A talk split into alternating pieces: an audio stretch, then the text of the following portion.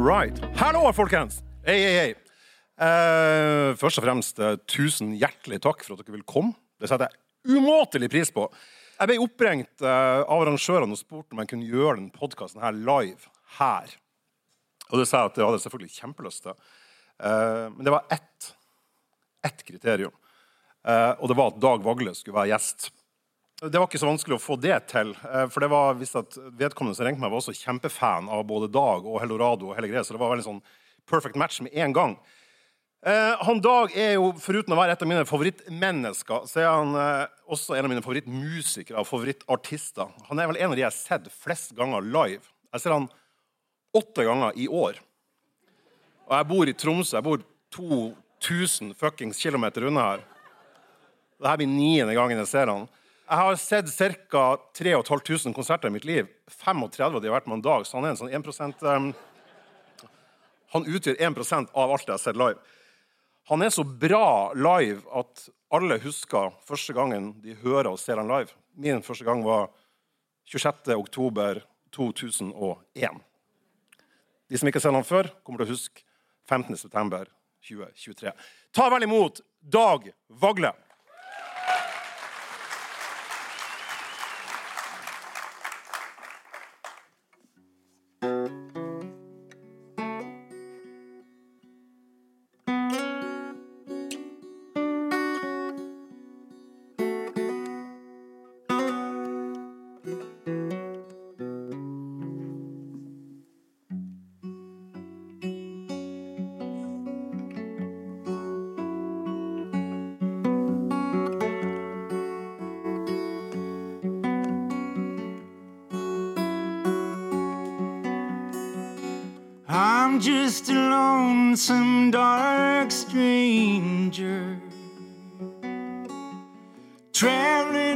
This country around every morning. I'm rising for the highway, always bound. Never had wings like a raven. Never had teeth like a shark. But I always had a fire to lead me through the dark. And I'll keep rolling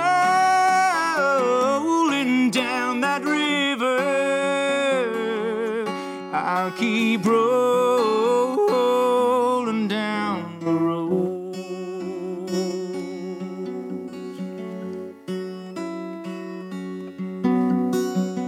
I share the company with outlaws. And I've been drinking with the beast, but I never share the table with a lawman or a priest. There were times I felt so lonely in any kind of company, but I found comfort in a campfire by the waters, wild and free. And I've been rolling down that river. I'll keep rolling down that road.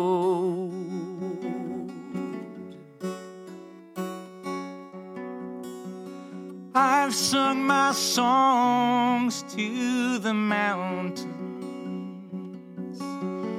I've sung my songs to the hills from the valley. They still echo and my voice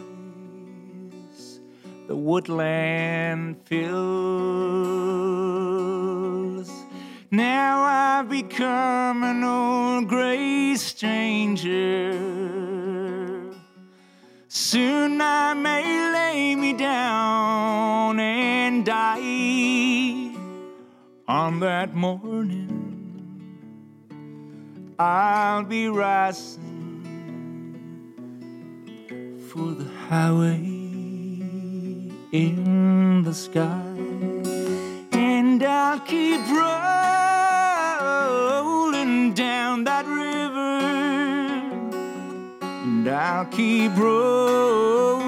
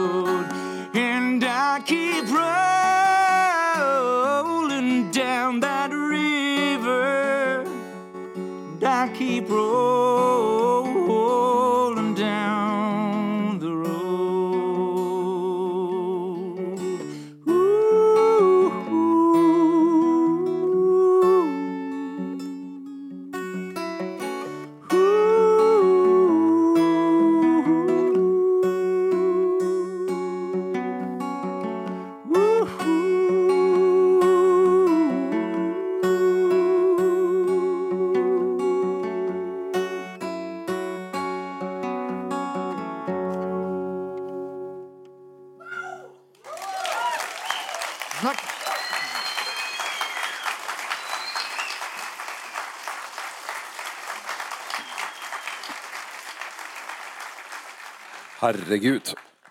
Stakkars, stakkars alle som ikke er her. Det er en egen låt det der, Dag. Ja, den er, den er un under utvikling. Den kommer på den uh, Chinese Democracy-legendariske Ja, ja. debutplata di. Den uh, satser på det. Ja. Vi skal jo prøve å liksom komme litt til bunns i hvem, eh, hvem musikkmann eh, Dag Vagle er. Hva du er bygd opp av slags eh, musikalsk eh, grunnstoff. Eh, Eller hva grunnmuren består av slags bestanddeler. Bare så for å gjøre det klart, I disse habilitetstider, hvor det er mye sånn, på politisk hold i hvert fall, mye rør rundt habilitet, så, så, så, så er jo vi, vi er jo venner. Så bare ha, at vi, vi, vi har det avklart. Jeg kjenner han Dag. Han Dag kjenner meg, men det er ingen økonomiske bindinger her. Eh, og, og ingen politiske bindinger heller. Eh, men, men vi har jo snakka veldig mye musikk, og når vi snakker musikk, så blir det ofte veldig veldig nerdete. Jeg vet jo kona mi eh, kan ofte flire litt av at vi blir veldig sånn tenåringsaktige. Ja, nei, forstår hun. Ja, forstår ordet. Jeg, jeg også. Hva, hva er det du holder på med for tida, først? Hva, hva er det du gjør? Spiller mest konserter helt alene. Reiser litt rundt. Var på Bryne nettopp. Vært litt i nord og litt ja, litt rundt forbi. Og da spiller du under, under eget navn, da? Ja, jeg spiller alene og under eget navn. Ja. reiser. Det er ganske ensomt, men er fint òg. Men det, hvis det er veldig ensomt, så blir det sikkert jævlig mye bra låter da, etter hvert. Ensomhet er Ja, en det, bra det er liksom kilde til ensomhet har blitt et tema som dukker opp i de nye låtene. Ja. Jo mer jeg er sammen. Ja. Ja. Hvis vi går tilbake til, til starten, altså guttepjokken eh, Dag Vagle. Det er litt forvirrende, du, er høyrøyst og, og voksen og kul og bart og alt sånt. Men hvis jeg tenker at du, du er en sånn niårig år med bart, eh, den, den varianten av det. Husker du hva, hva som på en måte kicka i gang det som gjorde at du kjente at dæven, musikk, det, det er forbanna viktig for meg?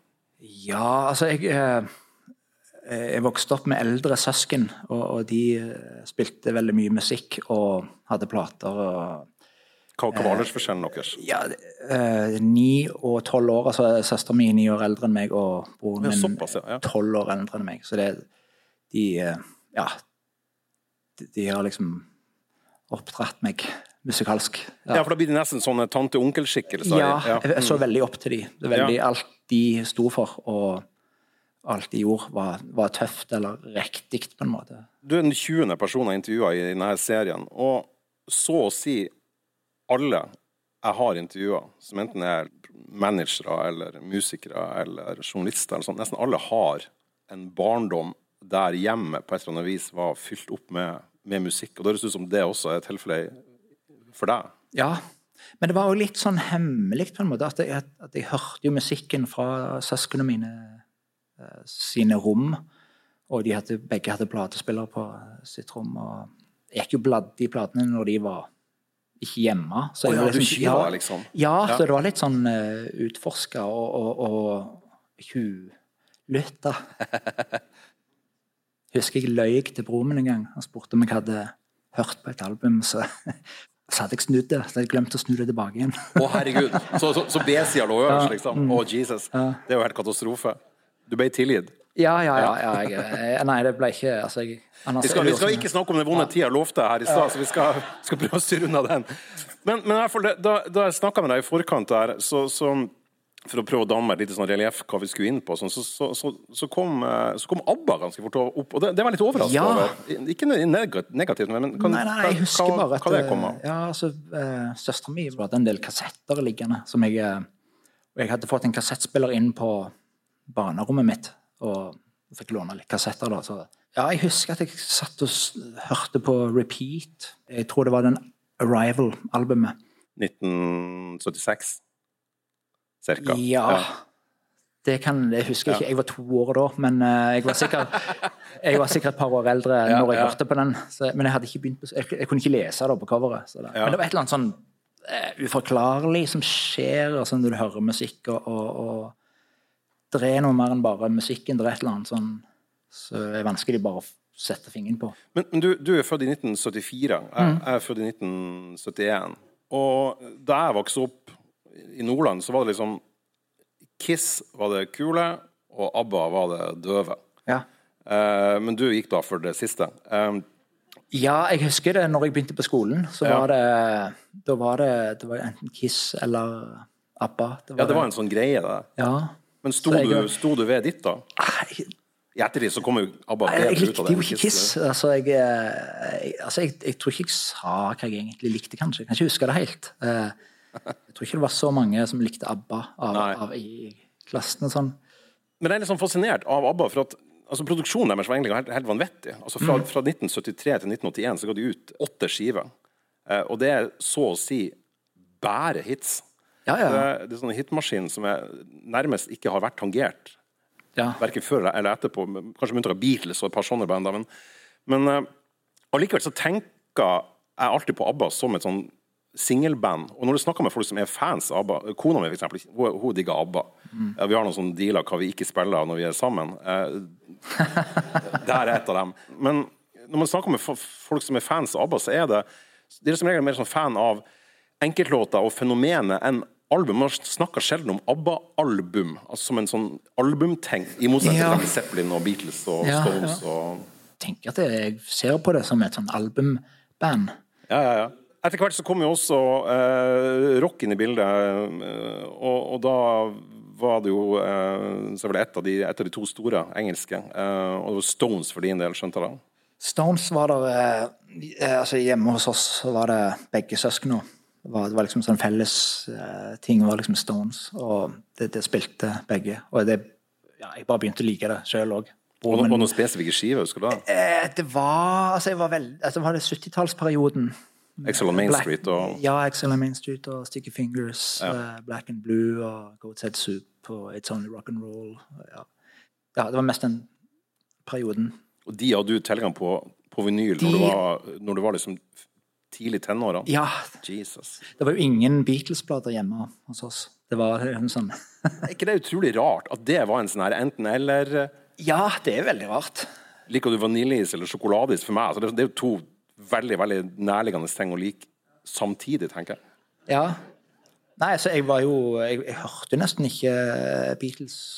Ble aldri noen som spilte det for meg, utenom Du, har- du har hørt det i ettertid? Jeg har hørt Jo, altså Jeg begynte på skolen, sant? i musikkundervisninga Hvis du skal høre eksempel på populærmusikk, så hører du Beatles. Det er sånn. Og det du blir presentert på skolen, det liker du gjerne ikke så godt av at du blir presentert Nei.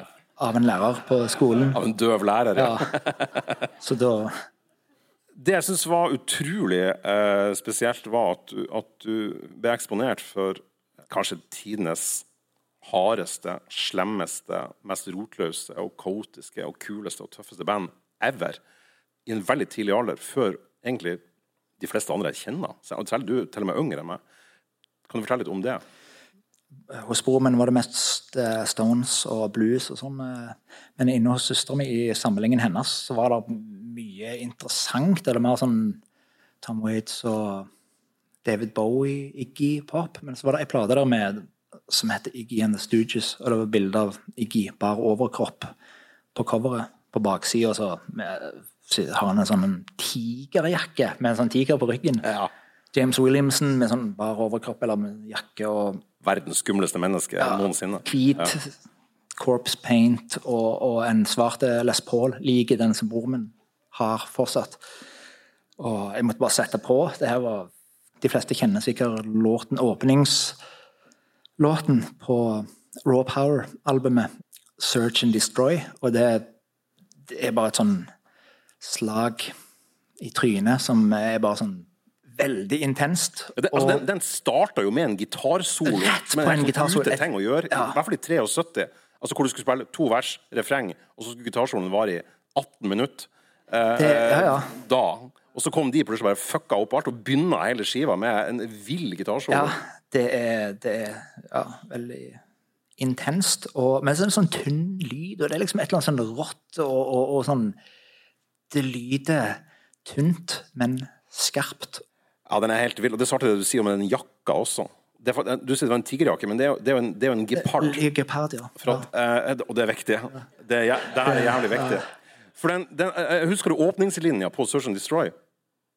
I'm a streetwalking cheetah with a heart full of napalm. I'm a street walking cheetah, altså gepard. eh, with a heart full of napalm.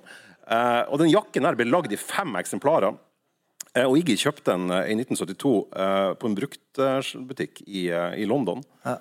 Der de spilte inn Raw Power. For den ble spilt inn i, i London. Og etter hver studiorunde så forlangte han å gå tilbake til der de bodde. Og det var 90 minutter å gå.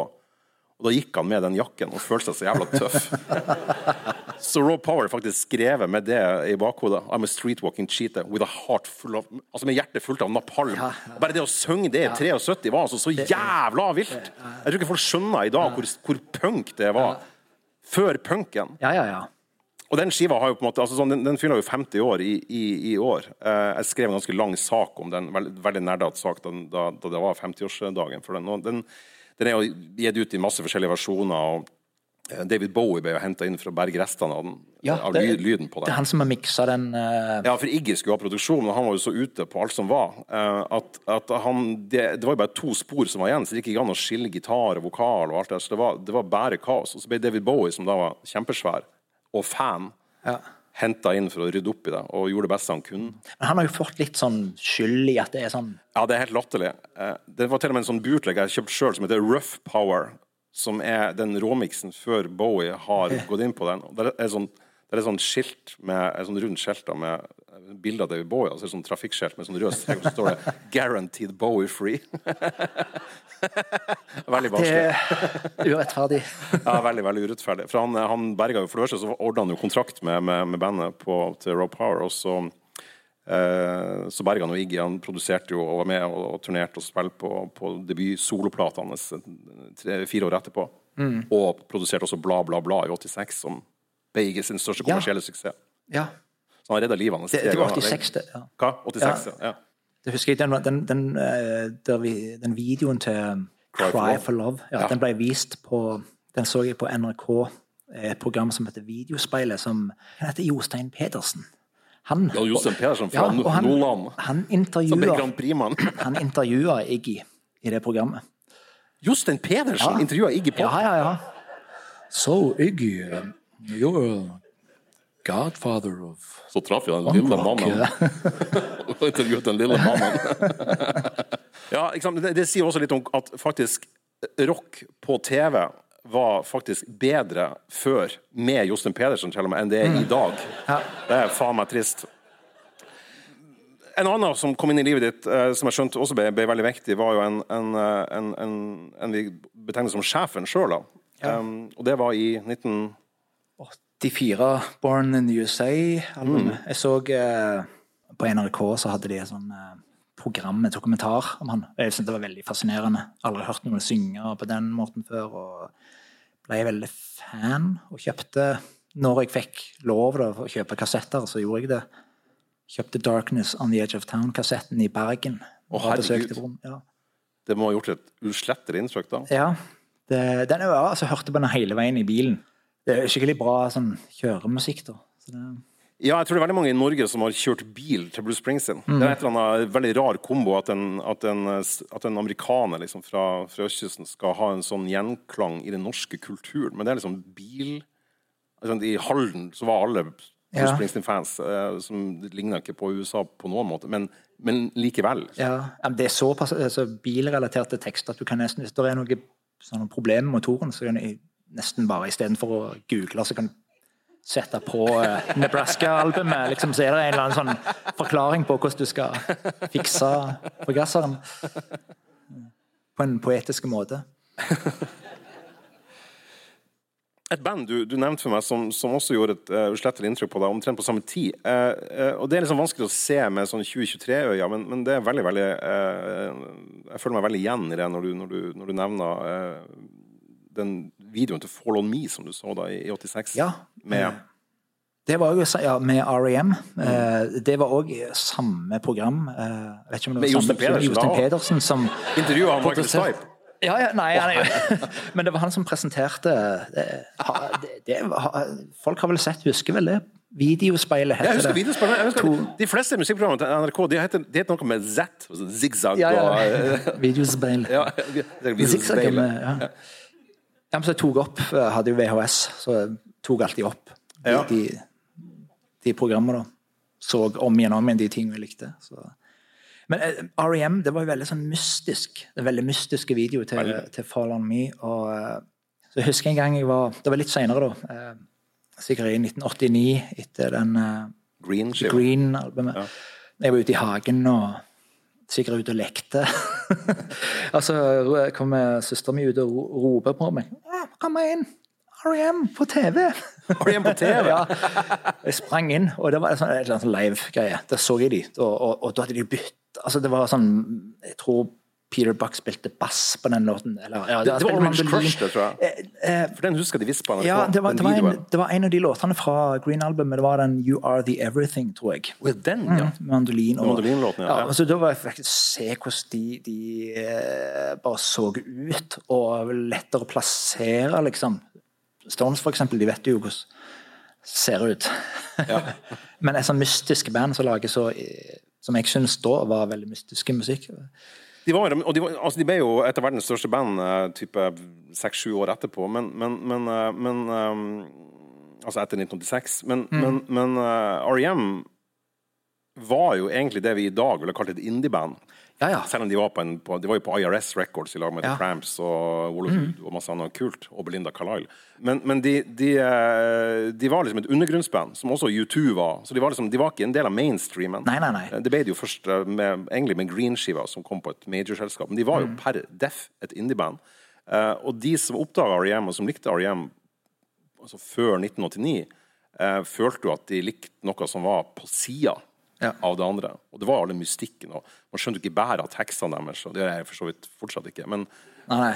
og Fall On Me, som jeg trodde var en sånn kjærlighetslåt, hvis det handla om sur nedbør, fikk jeg vite lenge Ja, etterpå. ja. Meget forvirrende. For Nei, det er veldig, veldig interessante tekster. Veldig rare. Eh, du har gjort mye musikk sjøl som er i, i folkgata. Um, og du nevnte jo her flere sånn folkband tidligere på 90-tallet som, du, som da ble, ble fan Jeg vil tro også på 80-tallet, blant annet The Pokes. Ja, jeg begynte å spille, jeg begynte å høre det var egentlig Dubliners først, kanskje. For det, eh, før, før Pokes? ja, for det, det hørte Eller jeg de gikk eh, andre veien. For meg så var det veldig sånn visuelt. Jeg så for meg sånn eh, skog og drikking i skogen og fjell. Sånn, det er sånn, ja, det alltid sånn stemning som jeg likte, da, og så ble jeg veldig interessert i å utforske. Og menn med hvitt skjegg. Ja. ja, så det, ja, men eh, da begynte jeg å høre på en del folkmusikk, og en del sånn britisk folkmusikk. Og det var sånn oppdaget hos i kjelleren til en annen kamerat. Faren hadde en del sånn Fairport Convention-album. Altså den britiske folkscenen. Britiske Ja, folkscenen ja. fra 70-tallet. Ja. Så vi fant en plate av Bert Jansch, som jeg likte veldig godt. Ja, en av de store. Ja, ja, han var aldri, hadde aldri hørt noe sånn lignende. Det var veldig fascinerende. Og så husker jeg han, kompisen han fant ut en dag Han hadde vært innom eh, i, i Versailles, så hadde han eh, hos Liv, så hadde hun gitt han ei plate med Pentangle, det bandet som han eh, spilte i da. Det var òg på 60-70-tallet. Ja. Men det var en ny utgivelse. Eh, altså en ny, altså det, På den tida, det var tidlig på 90-tallet, så han, han, han kom til meg da og funnet en ny Pentangle-album og med Bird Change, og han er fortsatt i live! Ja, for det var ikke noe Google eller Nei, nei, nei, Wikipedia? det- nei. eller... Du føler meg som en sånn eh, at vi to 90-åringer som sitter og snakker. ja. Det går så- det går så jævla fort etter det. Liksom. Ja, ja, ja. Men, men altså, informasjon om musikk var jo veldig eh, var vanskelig. Altså, det var veldig sånn Det var verdt veldig mye når du fikk det. Sånn. det Ja, for jeg husker blant annet, når man kjøpte skive, så, så var det ofte Det sto ingen info om hvem som hadde skrevet låtene, og sånn. Det sto- men det sto ofte på etiketten. Altså Mm. inn, innerst på vinylen, så var det innen rundingen, så sto det eh, ett eller to eller tre eller fire etternavn bak Ja. Mm. teksten. Så var det gjerne de samme navnene. Og så plutselig så var det en låt med noen andre navn. ja, Da var det sannsynligvis en coverlåt. ja, ja, ja. Og så var det liksom å finne ut hvem i helvete er det som har skrevet originalen. Og så var kanskje det et kult band som man da også begynte å kjøpe plater. Men man, Ja. det må faen meg jobbes før man, før man kom dit. Superman og R.E.M.-albumet. Ja, på Life Is Rich Patient-plata, ja. Mm, Stemmer det, ja. Et annet navn du nevnte der i den folkbølgen som jeg synes var litt kul, som jeg sjelden ser trukket frem, det er jo ei dame som heter Sandy Denny. Kan du si litt om henne? Ja, hun eh, oppdaget meg gjennom Fairport Convention. Hun sang jo med de eh, på en god del album. Det er den tidlige beste fasen, egentlig. Ja. Ja. Eh, hørte mye på et album som, heter Rising for the Moon. Eh, og så fant vi ut Hun har jo gitt ut noen soloalbum òg, og eh, de var litt mer sånn Ikke fullt så folk, men litt mer sånn Litt, litt mer Litt annen, annen sjanger, med strykere og pianobasert. Hun spilte jo piano veldig fint. Ja, altså, hun, også, hun er jo veldig Kanskje egentlig hennes eh, i ettertid claim to fame er jo at hun sang på eh, The Battle of Evermore med, Ja, ja. med Led Zeppelin på Zeppelin 4. Ja. Eh, der, er jo, der jeg trodde var Robert Plant i masse, masse år. For jeg skjønte at så lys stemme har han ikke. Selv ikke han. Eh, Men hun, hun døde jo i, i 1978, var jo bare 31 år gammel og, og, og drakk seg jo eh, og rusa seg helt i hjel og, og var et sånt supertalent som, som gikk til hundene altfor alt, alt tidlig, men som har satt enorme spor etter seg.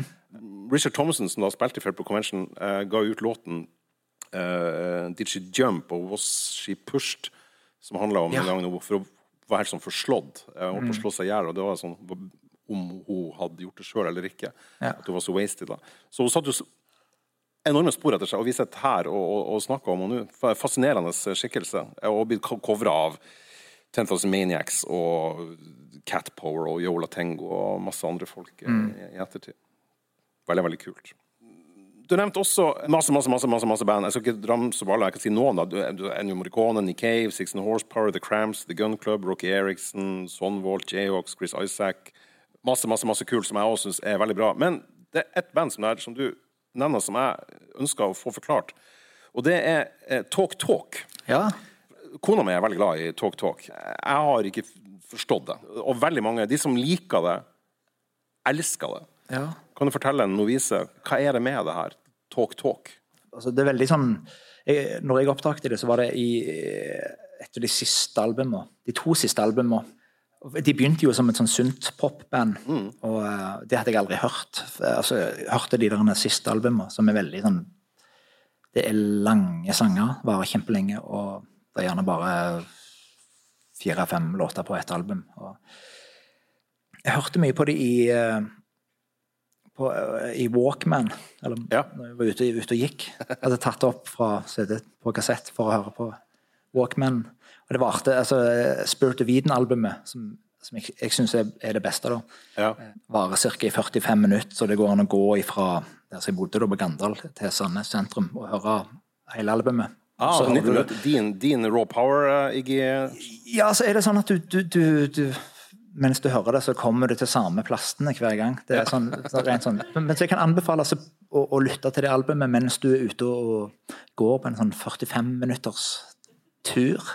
Ja, for han, han døde jo i Var det i fjor han døde? Eller forfjor? Sånn, han, uh, Mark Mark Hollis. Ja, og da, da, da var liksom min vegg på Facebook var et ene, Det var liksom Altså eh, Justin Timberlake og Espen Lind sine gråtekarakterer i låtene var ikke i nærheten av min Facebook-vegg. Altså, folk var altså så Ja, Det betydde masse for folk. Ja. Altså, det var sånn, han var kjempe, kjempehelt for veldig, veldig mange. han var altså Jeg tror han hadde veldig mye å si for uh, det der siste lydbildet til Talk Talk, altså det siste albumet. Uh, han og en produsent som heter Tim Freeze Green. Men uh, det er vanskelig å forklare. Du må bare Forstå det. Du må bare høre på det. Jeg er det. åpen for det. Altså. det Være åpen for det. Du har snakka om Walkman og, og, og at du var tyv av skiva hos søsknene dine. Sånn. Hvordan er liksom Dag Vagle sine eh, forbrukervaner på musikk i 2023? Hvordan er det du konsumerer musikk eh, nå? Hvor du henter tips, og hvor du på for, forskjellige måter. Jeg får jo, altså, jeg er veldig glad i å få tips fra personer. Folk som jeg spiller med, og venner. og sånn. Eh, Det er ofte gjerne der jeg får de fleste tipsene. Men eh, ellers så hører jeg mye på streaming, Spotify, og altså at du hører på noe, så finner du ut det går an å liksom havne nede i sånne Rabbit holes. ja, rabbit holes. Jeg vet ja, altså, det. det er liksom, jeg liker å gjøre det, til å finne inspirasjon og oppdage nye ting. Eller bare høre på klassisk album på vinyl. Ja, For du bruker å gjøre det med, med ene sønnen din? Ja, Eh, vi, vi pleier Når han er hjemme, så pleier vi gjerne å sitte og høre på hele albumet, A- og B-siden av sånne klassiske album som for eksempel Overkill av eh, Motorhead ja. og eh, Black Sabbath og eh, Jeg har hørt litt på Talking Heads og The Smiths, The Cure. Mer sånne klassiske ting som er bare sånn sånne klassiske album som Hvis, hvis, det var noe, hvis det var noe motsatt av barnevernet, altså det motsatte De man skulle ringe hvis folk var ekstra flinke med ungene sine, så skulle jeg ringt dem og sagt Vi har en sak Ja. her. Dere må dra hjem og se hos Dag Vagle. Han sitter med sønnen sin og hører på Black Sabbath, Motorhead, Smiths Cure. Og det er jo helt nydelig. Jeg blir veldig rørt når Men han, han eh, hører mest på, det er han som velger mest. Altså det er mye, mye, mye sånn norsk black metal har det vært i perioder, og det har jeg ikke hørt på noe særlig før.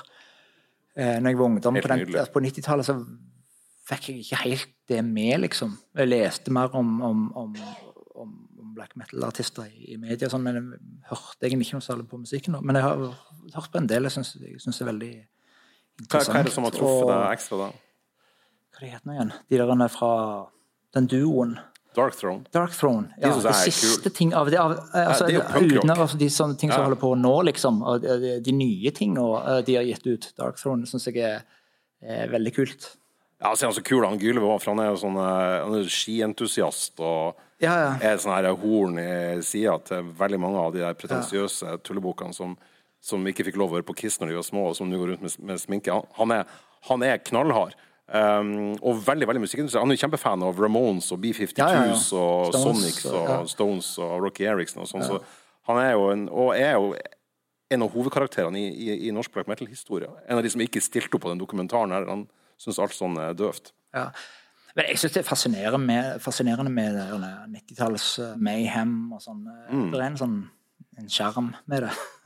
Ja, du, du, du sa til meg også at du liker å høre Du liker også å høre på mye av ditt av, Altså mye på musikk som ikke er det du sjøl spiller. Er det en form for å på en måte utfordre, eller er det bare den nysgjerrigheten? Ja, og så er det litt lettere å få en opplevelse uten at du tenker, hører på gitarlyd og hører på altså, det, mer sånn, det blir litt mer sånn mystisk som du hører musikk.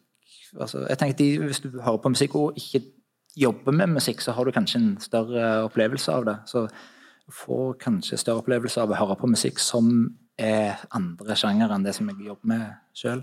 Og får ideer gjerne til, til å dra inn i det som jeg holder på med sjøl. Så jeg liker veldig godt orkestermusikk, klassisk, og jeg hører mye filmmusikk. og Jeg syns det der er litt kult. For jeg husker jeg intervjua han, eh, han David Eugene Edwards, frontfiguren i Six and Horsepower og Woven Hand. Uh, fyr vi to, begge to er veldig veldig begeistra for. Og så spilte Woven Hand på en festival i Tromsø, så skulle jeg intervjue han. Og han er jo veldig fan av liksom gun club og mye sånne ting som jeg sjøl liker. Og så var det sånn, Hva er det du hører på for, for tida? Har du noen tips? Eh, og han- er veldig, veldig veldig kristen. Altså sånn, sånn eh, dogmatisk, uh, gammeltestamentlig svovelkristen. Og så sier han ja, han har hørt masse på, masse på norsk black metal. Og så var jeg sånn her eh, Are you kidding me? Liksom, jeg trodde, her var, jeg trodde han spøka, men så, han- så slo det meg at han fyren her han har jo ikke humor. Det er ikke det, det, er ikke det sterkeste kortet hans i, i i verktøykassa. Nei. Nei, men han var, han, var, nei, nei, nei, så han var helt, eh, han var helt sånn obsessed av norsk black metal. Ja, ja, Eh, og da fikk jeg en sånn hesteskoteori på, på, på religion. sånn. Men han sa det var, det var den der eh, mørke stemninga. eh, Han visste jo hva de sang, om, visste hva greia var. Men han, hadde utfordra smaken hans. Ja, ja. Så det var litt kult. Det gjør jo litt mening, det å høre på musikken som, som Ja, man lager. det. Da, så det. Heldorado er jo på en måte bandet som, som gjorde at vi ble kjent, i hvert fall. Eh, og, og, og har på en måte vært et av de I hvert fall det hovedbandet ditt når det kommer til rock. Og det var tilfeldigheter som gjorde at vi ble kjent. Grunnen til at jeg huska den datoen i stad, det var ikke noe huskelapp. Det var liksom 26. oktober 2001 var første gangen vi møttes. Da var jeg med et Tromsø-band som skulle spille i Stavanger, og så eh, fikk de tilbud om å være support for et, eh, et debuterende eh, band fra Stavanger, på Checkpoint Charlie. Det viste seg da å være Heldorado. Det var den første konserten deres. Ja. Og da husker jeg ble altså så blåst i bakken. Det var, liksom, det, var, det var det kuleste jeg hadde sett av norske band. Eh, og jeg husker jeg ringte rundt til norske plateselskaper som sånn dagen etterpå for skulle fortelle de måtte signere det nye, store, som kom til å, liksom, de kom til å ha verdensherredømme i i løpet av et knips. Nå er jeg ikke jævlig god sånn profet, da, det skal jo sies, men, men, men jeg, var, jeg var altså så sjokkskadd over hvor, hvor bra det var. Og, og, og den kvelden der ble jo starten på et langt vennskap som, som har vart til, til, til i dag. Da hadde du allerede gjort veldig mye musikk eh, allerede da, men, men husker du hva som, var, hva som var ideen bak Heldorado? Husker du om det var noe sånn Det her ville vi med, med, med bandet? Ja, altså vi spilte altså, eh, Tre av oss i Heldorado spilte òg i Tramps samtidig som vi var Vi hadde spilt veldig mye sammen. I fall noen trodde du sa Cramps, så spilte de i Tramps. ja, altså Tramps. et, et, et, et, et irsk folk. Et irsk folkerockeband, ja. Så Mm. det var veldig, det var veldig sånn lystig musikk da, i forhold til Heldorado. Jeg tenkte at det var en Jeg hadde veldig lyst til å gjøre noe som var litt mørkere, og mer, jeg kjente meg mer komfortabel med et mørkere uttrykk enn en det ekstremt lystige uttrykket som er i sånn drikkeviser og tjohai. Det er en del sånn filmer som har liksom inspirert egentlig det uttrykket. Altså, Det er et ganske filmatisk salg Ja, på, på mye ja. av det dere har gjort da. Jeg husker, jeg husker jeg var veldig glad i filmen eh, Fire Walk With Me. Twin Peaks Fire Walk With Me. Og der er det en scene Cruise, eh, Ja, men det er et band som spiller der, i, i, i, i, i den Ja, i- filmen, ja. Ja. Filmen eh, Ja, Fire Walk With Me. ja. Siste sporet var en sånn ring som ligger under ei campingvogn. Som, uh, vi ville lage et, eh, et band som hadde veldig sånn sterkt visuelt, eh, filmatisk uh, uttrykk. Og, og var inspirert av Tarantino-filmer og, og David Lynch-filmer. Det var veldig viktig hele Ikke bare hvordan det hørtes ut, men hvordan det så ut, på en måte. Da jeg hørte dere, så var det en sånn her, eh, Det var en sånn smeltedigel av jævlig mye jeg likte. Blandet Ja, for vi gjorde mye coverting i, i begynnelsen. Ja, men det var også sånn Ja. det, det, De egne tingene dere så Det var liksom det var, Sixten Horsepower var veldig åpenbart. Ja. Uh, Nick Cave var, var veldig åpenbart. Uh, Ennio Morricone var det. Mm. Um, Gun Club, ikke minst. Eh, og, og noe sånn film noir-greier. og den her ville stemmen din, som var en blanding av Mickey Newbury og Roy Orbison og David Eugene Edwards og uh, Jeffrey Pierce. Og Nick Cave. Så var det som er sånn her, her no- Ja, klapp gjerne. Det har han fortjent.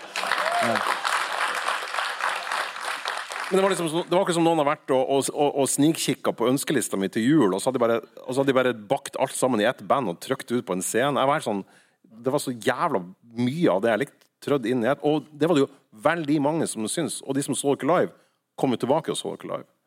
Ja, men vi gjorde mye sånne ting som vi likte sjøl òg. Altså fylle inn før vi hadde nok låt, egne låter til hele konsert. Så ja, da, ja, legge inn en Grand Parsons-låt. altså, det, var, det, var veldig, det spriker jo litt i, litt i begynnelsen, da, i litt forskjellige retninger.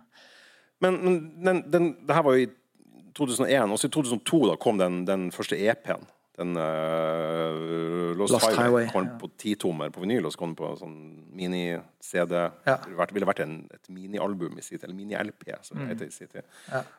Og så, og så dundra dere ut da på, på mellom 2004 og 2012, så kom det da fire, fire skiver og noen EP-er og noen singler og noe, og noe sånt. Og, og det var et band som, som eh, Jeg vet jo blant annet i Tromsø så trakk dere jo alltid fullt hus.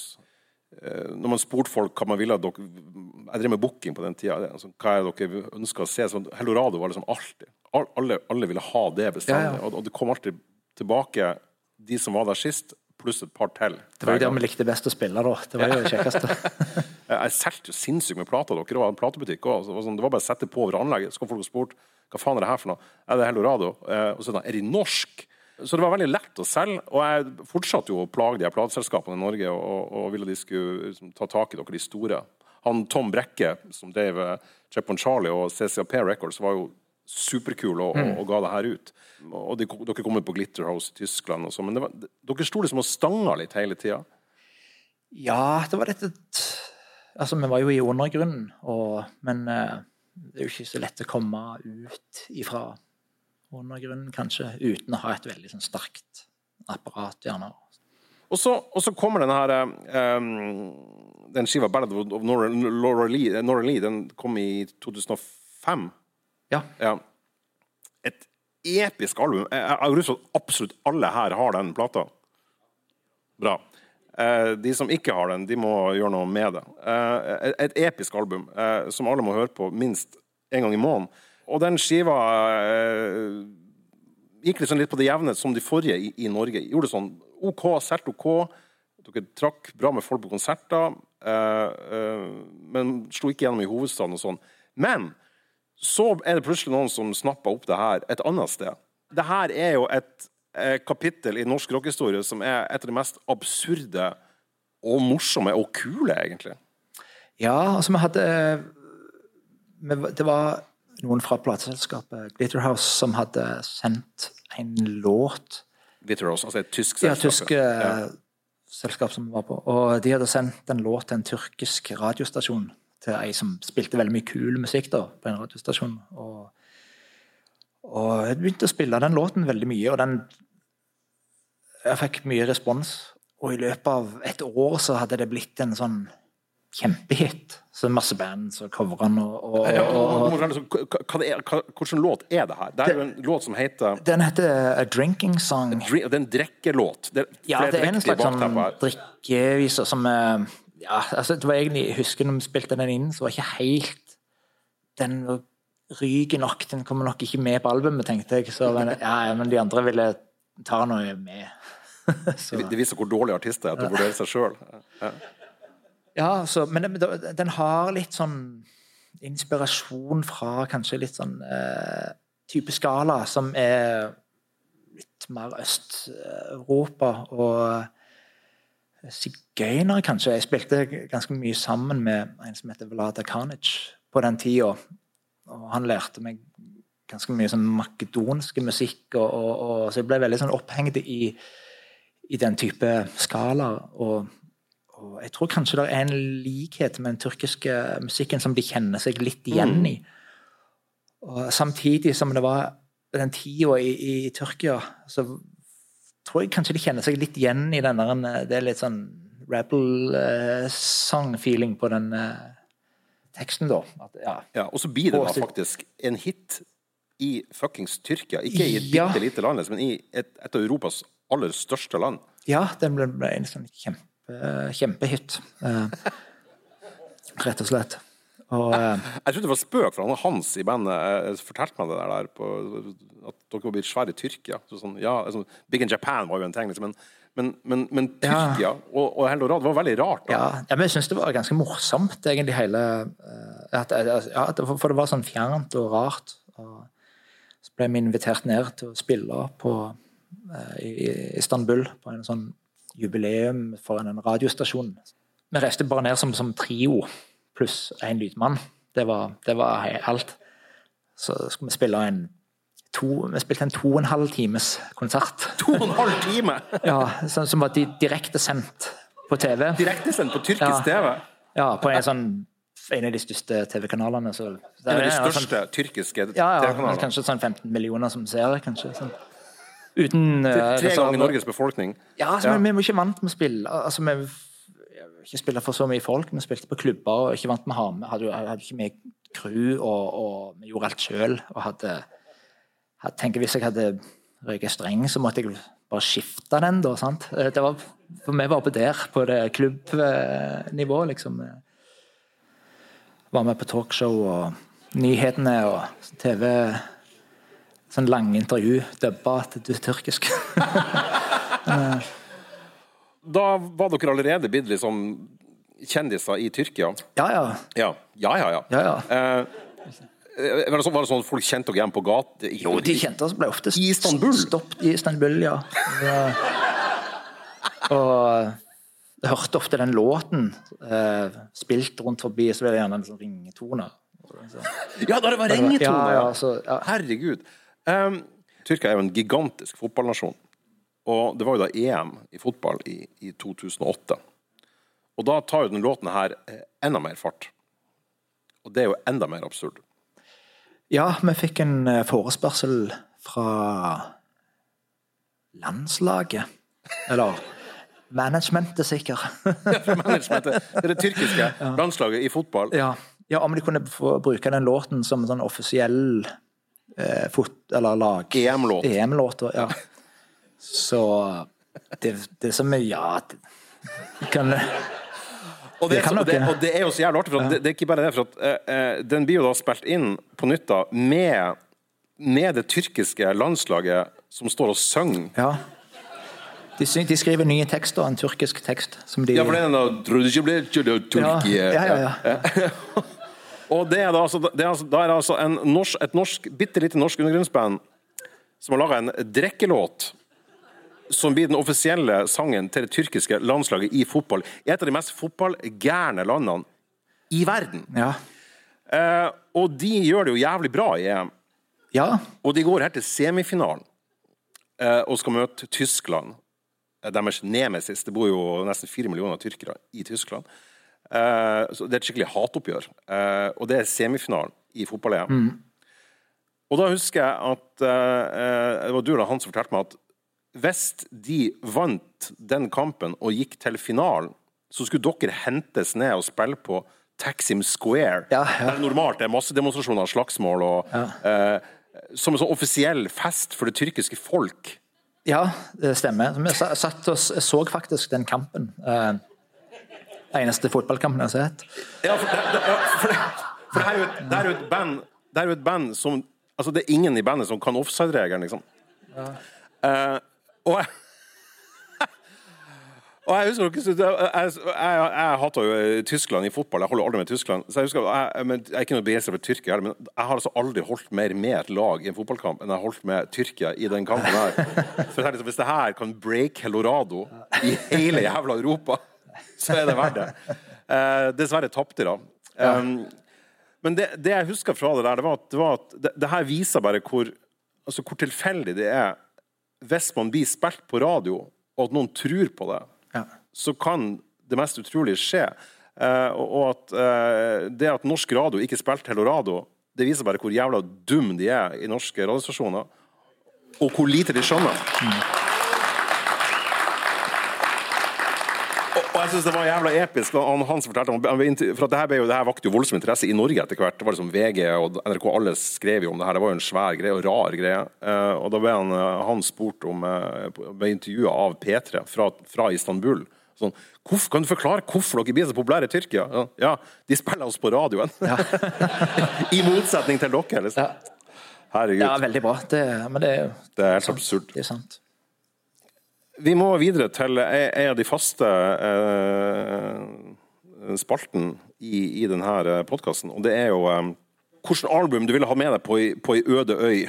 Eh, og du sendte jo eh, tre eh, Nei, seks alternativ til meg, men, og, og jeg, kan, jeg, jeg nevner de fem andre. Så går vi, går vi heller bare rett på eh, det vi lander på. Eller det du lander på. Eh, det ene var den Talk Talk-skiva du snakka om, den Spirit of Eden, og så var det eh, Julie Cruise-plate. Uh, godt kjent fra Twin Peaks-serien. Eh, selvfølgelig Ennio Morricone, Once Upon a Time in the West. eh, og Heart Attack and Vine med, med Tom Waits. Eh, men eh, vi lander da på et album som de som elsker det, har et religiøst forhold til. Kan du fortelle hva det var du landa på? Det var No Other-albumet til Gene Clark. Ja, hvor skal vi begynne, Dag? Det her er jo en av verdens beste plate. Det er jo objektivt. Ja, den eh, Hvis du ikke vet hvilket album du skal det, har, det her har skjedd så enormt mange ganger. Står foran platene, du blar gjennom de, sant? du har Nå skal du høre et album, og liksom setter du på ett, så går du gjerne glipp av å høre et annet. Og blar gjennom ganske mange ganger de platene du har eh, framme. Og ja, ja, jeg setter bare setter på No Other-albumet. Det, liksom, det slår aldri feil. Det er- alltid bra uansett. Det er alltid sånn riktig å sette det på, uansett uh, hva tid det er. Altså, så er det Ja, det her, det, her er, det er liksom aldri, aldri, aldri sånn at Nei, det passer ikke så godt på det nå. Men uh, det er liksom Ja, det er en slags stemnings, uh, stemningens esperanto av et album. Det, det passer, det glir inn til, til, til enhver anledning. Og det er jo, det er jo Magnus Opus, da, altså mester- mesterverket til, til Gene Clark. Et, eh, et mytifisert menneske i, i rockehistorien som, som har vært med på å, å, å altså Der andre har virvla opp litt uh, grus, så har han flytta fjell. Først mest kjent som, som en sentral skikkelse og låtskriver i, i The Birds. Eh, Dernest um, uh, med noen fantastiske folkplater med Dylan Clark. Og så kom Ja, ja, den her, den her No Other i 1974. Husker du første gang du hørte den? Eh, Jeg hadde hørt enkellåter fra plata, men jeg kjøpte faktisk albumet hos deg. På, i Tromsø. På- Ja, Oh, En gang på en tur vi var der oppe med Eldorado, så kjøpte jeg det albumet der. Ja. Oh, nå ble jeg glad. Ja. Eh, Den skiva er jo egentlig veldig sånn sjangerløs. Jim Clark kommer jo fra, fra rocken og folkrocken og, og countryen. Men da No Other eh, skulle lages, så var det jo en idé om å lage noe veldig mye større. Den er vanskelig å plassere. Veldig vanskelig, og det er en veldig sånn det er en sinnssyk produksjon. Egentlig veldig sånn pompøs. Eh, Enormt pompøs. masse Det er liksom mye av alt på kor, orkester og Ja, og det var jo han, han David Geffen, eh, som da var leder for Asylum Records, som, som ga den ut, som, som eh, hadde en idé om at det her skulle bli liksom Nå skulle han break Gene Clark skikkelig, og skulle bruke masse penger på det her. Og det tok jo Jim Clark i overkant bokstavelig. Og han henta jo inn eh, altså Ben Keith, som har spilt stil med liksom Neil Young på Harvest, og alt sånt. Han henta inn kor, korister til Aiken Tina Turner, og Ja, hentet ja. folk fra Allman Brothers. og Han liksom bare sopa til seg det som var. Eh, og Chris Hillman fra The Birds er med på den plata. Og kostnadene eksploderte jo. Eh, og han fant ut at det skulle bli både dobbelt- og trippelalbum, men da, da da dro de i, i nødbremsen. Eh, den kosta den, den, den, på, altså den kom på over 100 000 dollar i 1974. Som da tilsvarer rundt ca. Eh, 10-12 millioner kroner i dag. Men det, det høres òg. Det høres, Ja. høres dyr ut. Ja. Og det, og det her er jo eh, på grunn av at eh, Gene Clark er jo ikke helt i sånn balanse. Eh, men jeg mener at No Other er jo beviset på at narkotika er ikke bare negativt. det, det kan ha noen bra sånn, si- sideeffekter, da. Det er veldig, veldig vanskelig å, å få tak på Altså, tekstene er veldig, er veldig svevende, men veldig eh, fine å høre på. Ja, Du har jo sjøl gjort eh, en, en av de låtene på, med bandet Flying Shoes. Eh, så gjør du en låt som heter Silver Raven.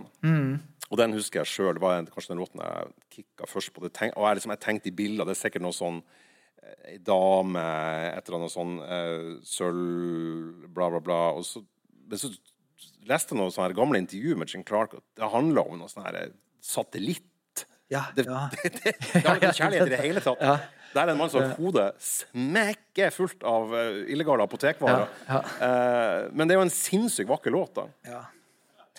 Han var jo altså Han var nok en veldig sånn troubled mind på den tida, tror jeg. Og Absolutt. Det, altså, han starta veldig bra med han i, når han kom med i The Birds, og det var han som tjente penger. Han Ja. kjøpte sånn eh, dyre biler, og mens de andre For han ble, mye, han ble rik før de andre ble Ja, ja, rik. ja. Og det var han som sang på Mr. Tambourine Man. Og, og så var han, og så var han, eh, han, var, var jævlig kjekk, og, så han fikk jo all oppmerksomheten. Ja. det tålte jo ikke Roger McQueen.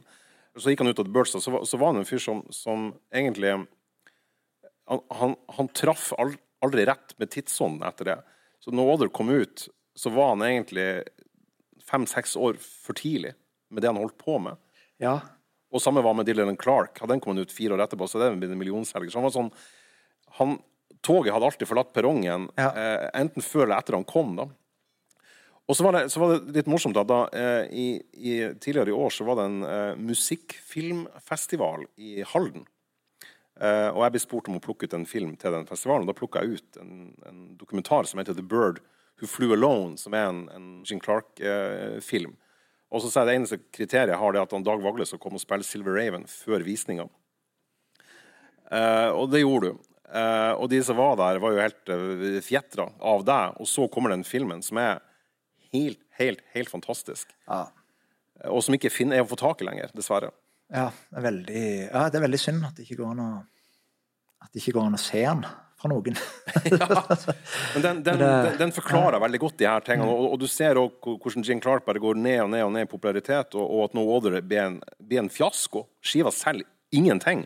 Den er en, en, en kommersiell eh, katastrofe. Ja. Selskapet går uh, nesten ad undas, og Geffen og han blir uvenner, og musikerne får ikke betalt, og, og så blir bare plata nesten glemt. Ja.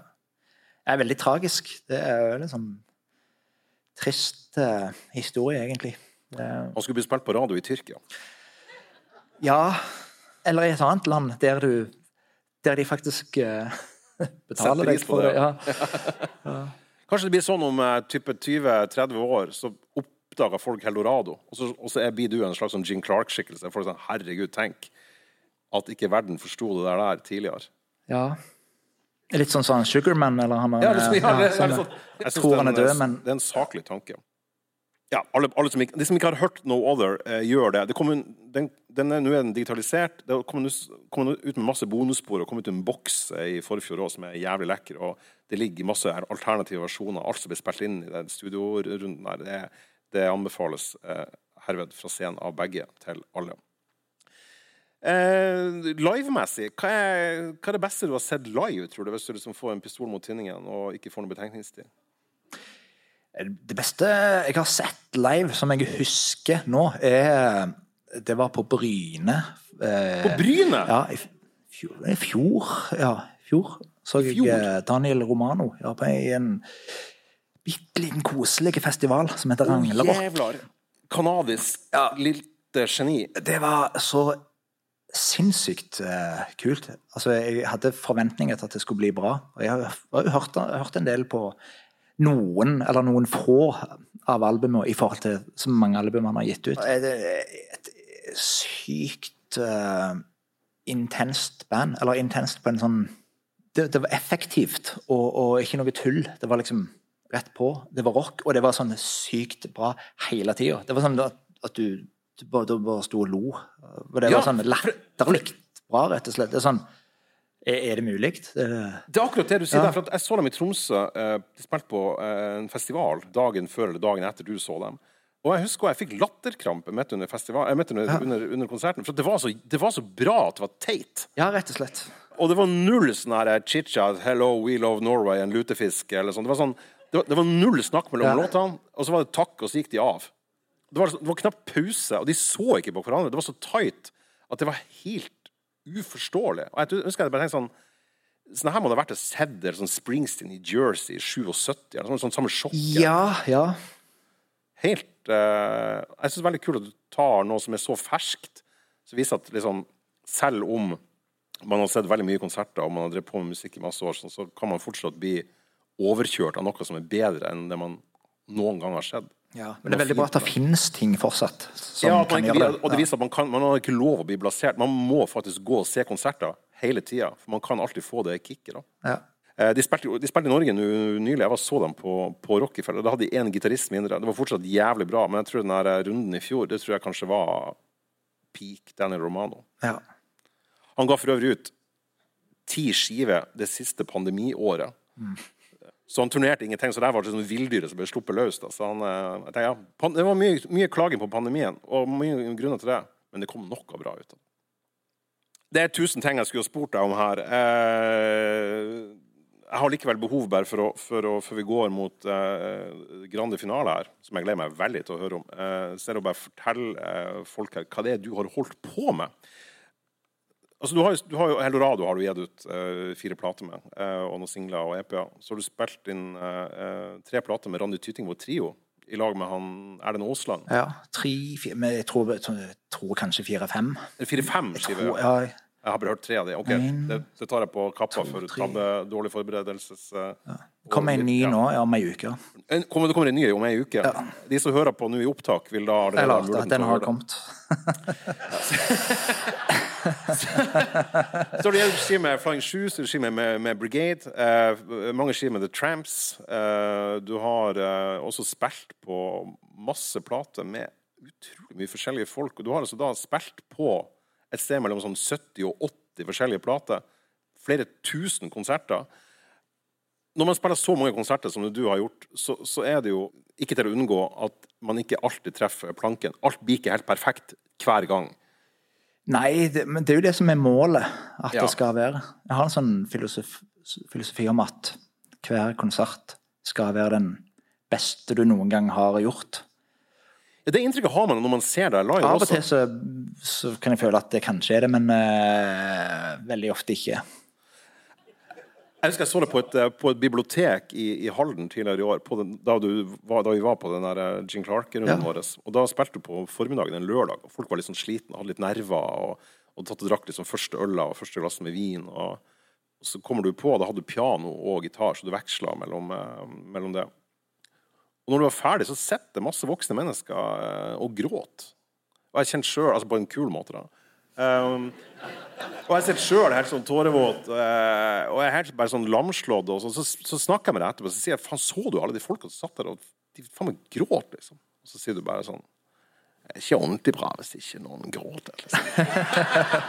det syns jeg var så jævla ballsy. en, på en sånn beskjeden og tilforlatelig måte. Jeg var, det var, det var, da var det plutselig en sånn filmstjerne der du sto og snakka. Jeg syns det var så jævla rått. Nei, men det, det er liksom et, det beste kompliment, egentlig, hvis noen griner på en konsert. Det, altså, så jeg tenker ikke at hvis ingen gjør det, så har det ikke vært har ikke gjort god nok jobb. Men, men det, er ikke, det er jo ikke sånn det skjer, ender opp hver gang. I hvert fall ikke når man spiller med band når man er på turné. Og Å, sånn. nei, Har du hatt noen sånne, her, noen sånne her, eh, opplevelser der du tenker at uh, det, den gangen gikk det ikke helt topp? Ja, altså det har jo klart eh, Etter sykt mange år, eller i løpet av så sykt mange år, 30 år på veien, så er det jo episoder som Vet du hvor mange konserter du har spilt? Nei. Ikke så gode med mat matte og telle og sånn. Eller, ja. 3000-4000, tipper jeg. Uh, Ja. i, I hvert fall, kan, du fortelle om en konsert der det, der det gikk gærent? Ja, uh, ka- kanskje det den der det gikk verst, var en gang med et band. Jeg har spilt veldig mange forskjellige band, så dette var ett et av de.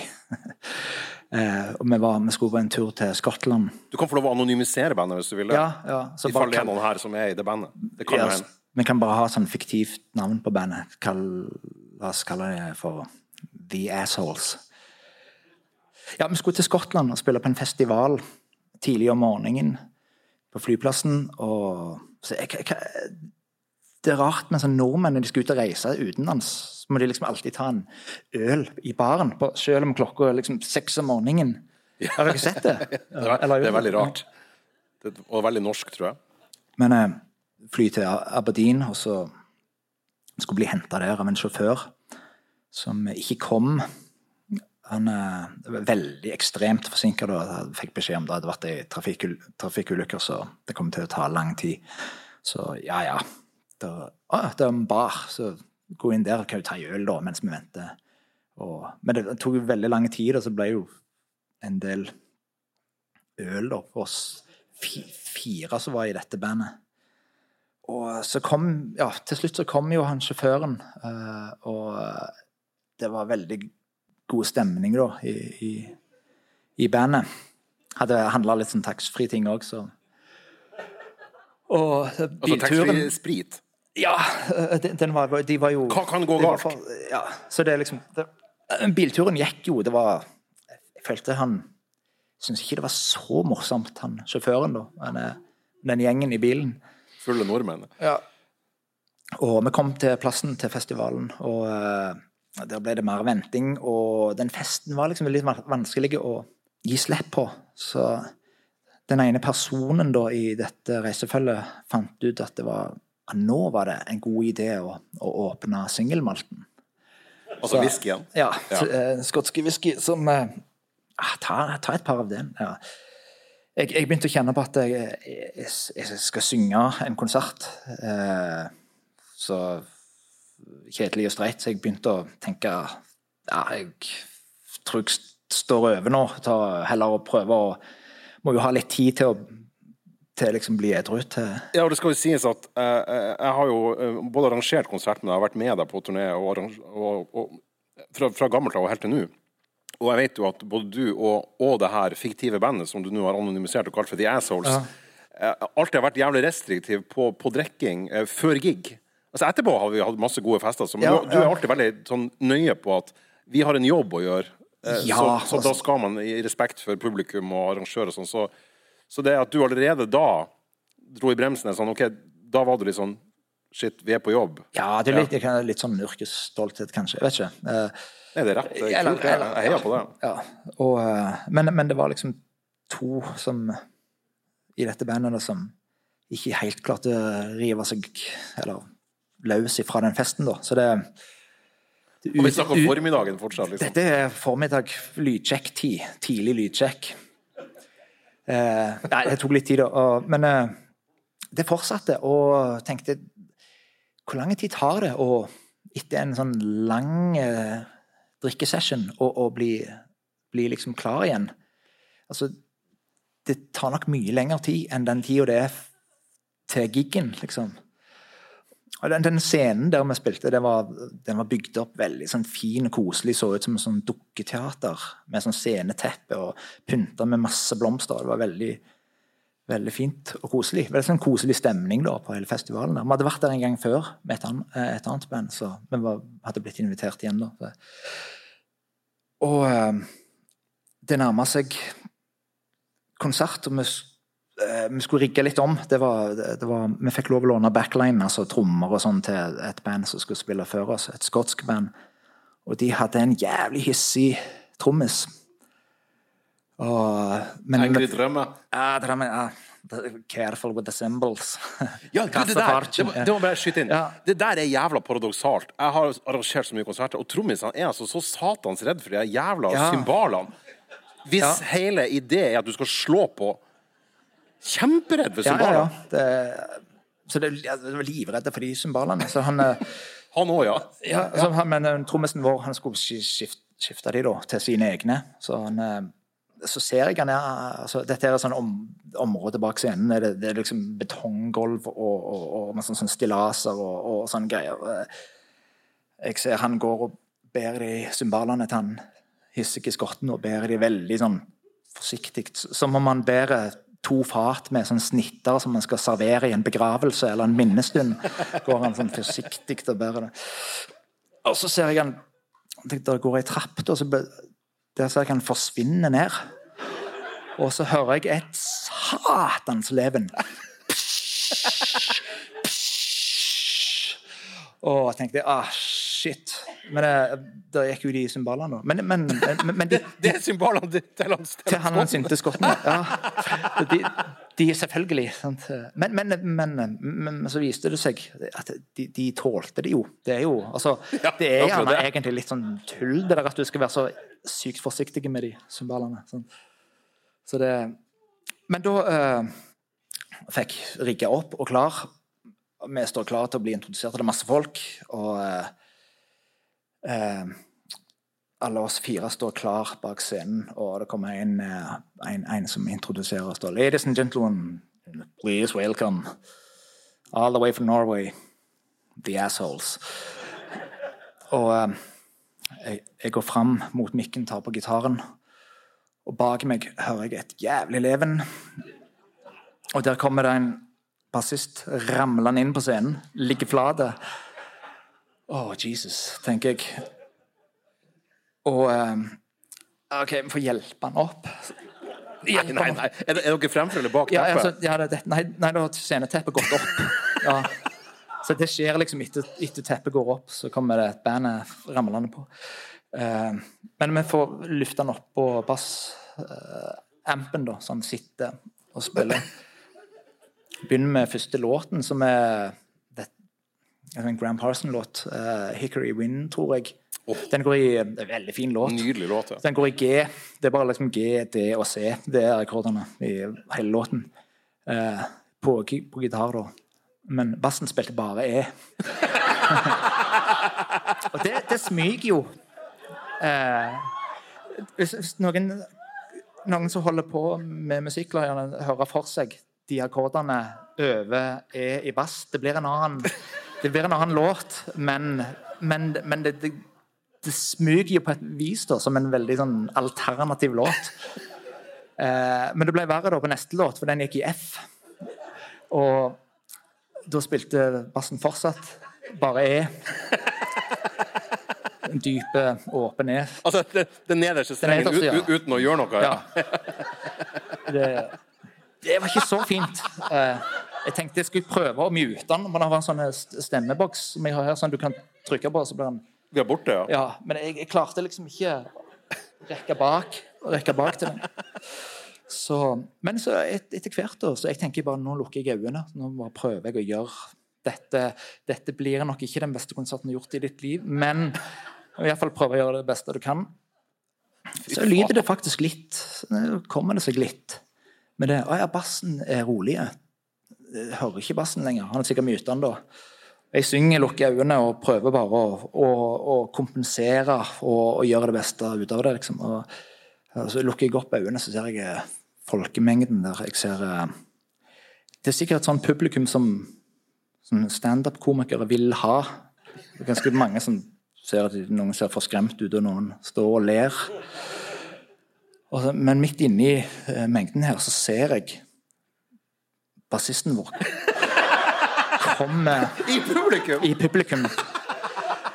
Han er på vei mot med et sånn zombieblikk. På vei mot scenen, sånn seint, men bestemt. Rett fram. Og, og eh, så han nærmer seg, kommer mot scenekanten. Og der, der er han på vei prøver å klatre opp, og så ser han akkurat ut sånn som eh, Dere har sikkert sett eh, Twin Peaks. Eh, eh, han er Bob i Twin Peaks i det, altså den scenen når han Det, det er hjemme hos eh, Det her er i sesong to, episode to.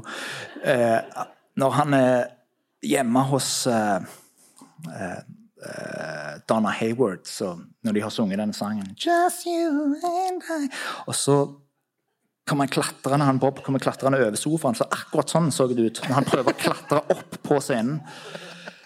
Og der kommer det to vakter, drar han i hver sin arm, mens han prøver liksom fortvilt å komme seg opp på scenen. Men, men, Er det her mens låten går? Det er mens, uh, mens uh, synger Makes you feel better. Og så eh, Ja, så ser jeg ikke mer til den da, før eh, altså, vi, vi avslutter jeg tror, jeg tror faktisk vi avslutter med 'Crying' av Roy Orbison. Eh, Som du bruker å gjøre fortsatt. ja, som jeg gjør den uh, øh, fortsatt, ja. Uh, men, men da er det to gitarer og, og trommer. Og uh, energiske trommis. Og det er veldig pompøst. På slutten der Han slår altfor hardt. så, Ja, ja, knallhardt. Jeg hører nesten bare trommene og vokalen. Og gitarene hører du ikke.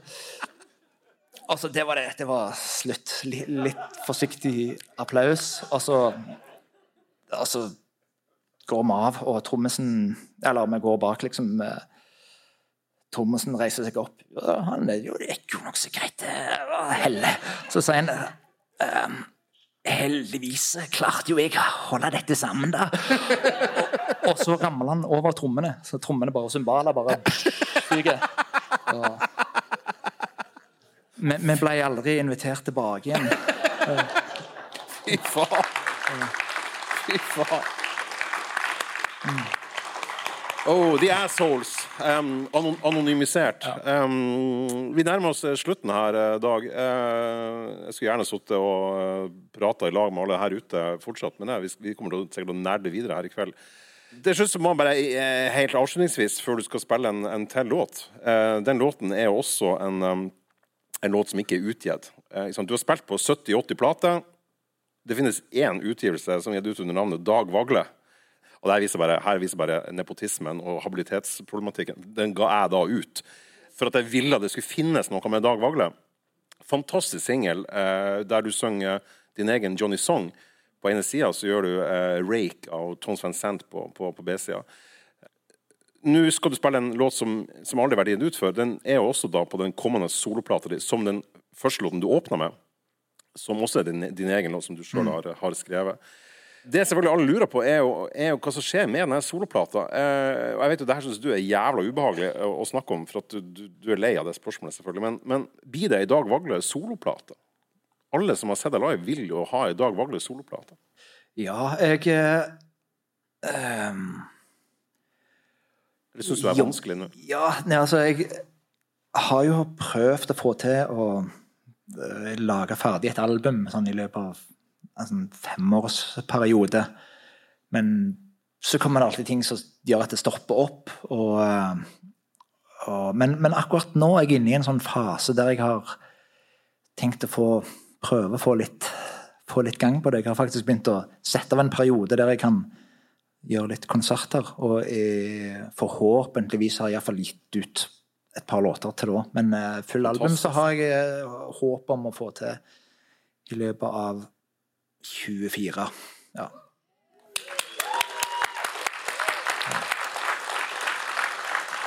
Så nå I en, eh, I en rettferdig verden så hadde jo TV-aksjonen eh, neste år gått til Dag Vagle sitt solabum. Eh, og man ville ha, i, I Rogaland så ville man tatt alle mastertapene til September When og alle de her, knust dem og lagd en statue av Dag Vagle. Men det er en rettferdig verden. Eh, jeg håper i den virkelige verden at den skiva kommer i, i 2024. Uh, det er alltid en stor glede å treffe deg, Dag, uh, som menneske. Det er ikke minst en fantastisk glede å høre deg som musiker. Jeg er veldig veldig stolt av å kjenne deg, men jeg er først og fremst veldig, veldig stolt av det du gjør som, som musiker i denne sammenhengen. Og jeg er så glad for å bli assosiert til navnet ditt med denne podkasten. Du er den første som spiller på denne podkasten, attpåtil med publikum. Tusen hjertelig takk til alle som kom. Nå skal vi få høre en helt uutgitt, fantastisk eh, låt av en Dag, som jeg har hørt mange ganger live, som da kommer på denne bebuda solodebuten. Tusen takk for at dere kom. Ønsker han Dag lykke til, og kom på konsertene hans og alltid støtte han opp og krev fra kommunen deres at de må finansiere solodebuten hans. Takk for meg. Tusen takk.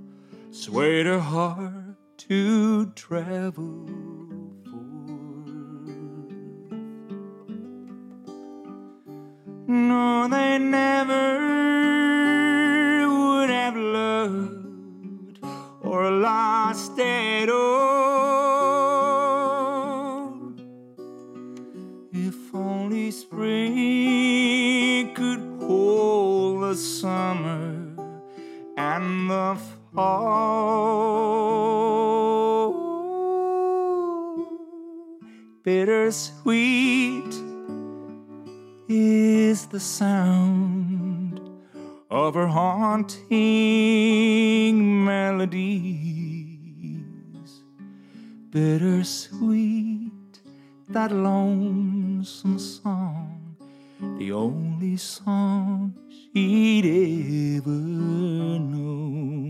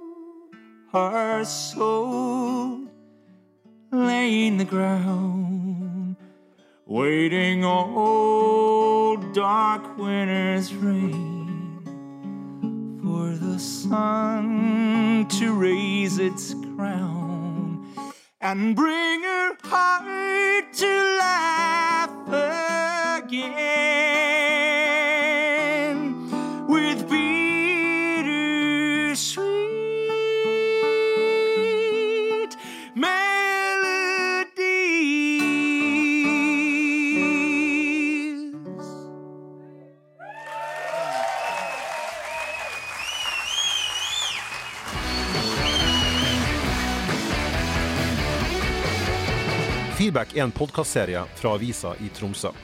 Produsenten for sendinga var han Svein Lian, og jeg heter Egon Holstad. Husk også at vi lager spilleliste der all musikken som nevnes i sendingene, legges til. Og de finner du på hjemmesiden til Tromsø i feedback-seksjonen, der du også finner anmeldelser av plater, anmeldelser av konserter, samt intervjuer, liste og masse annet aktuelt musikkstoff.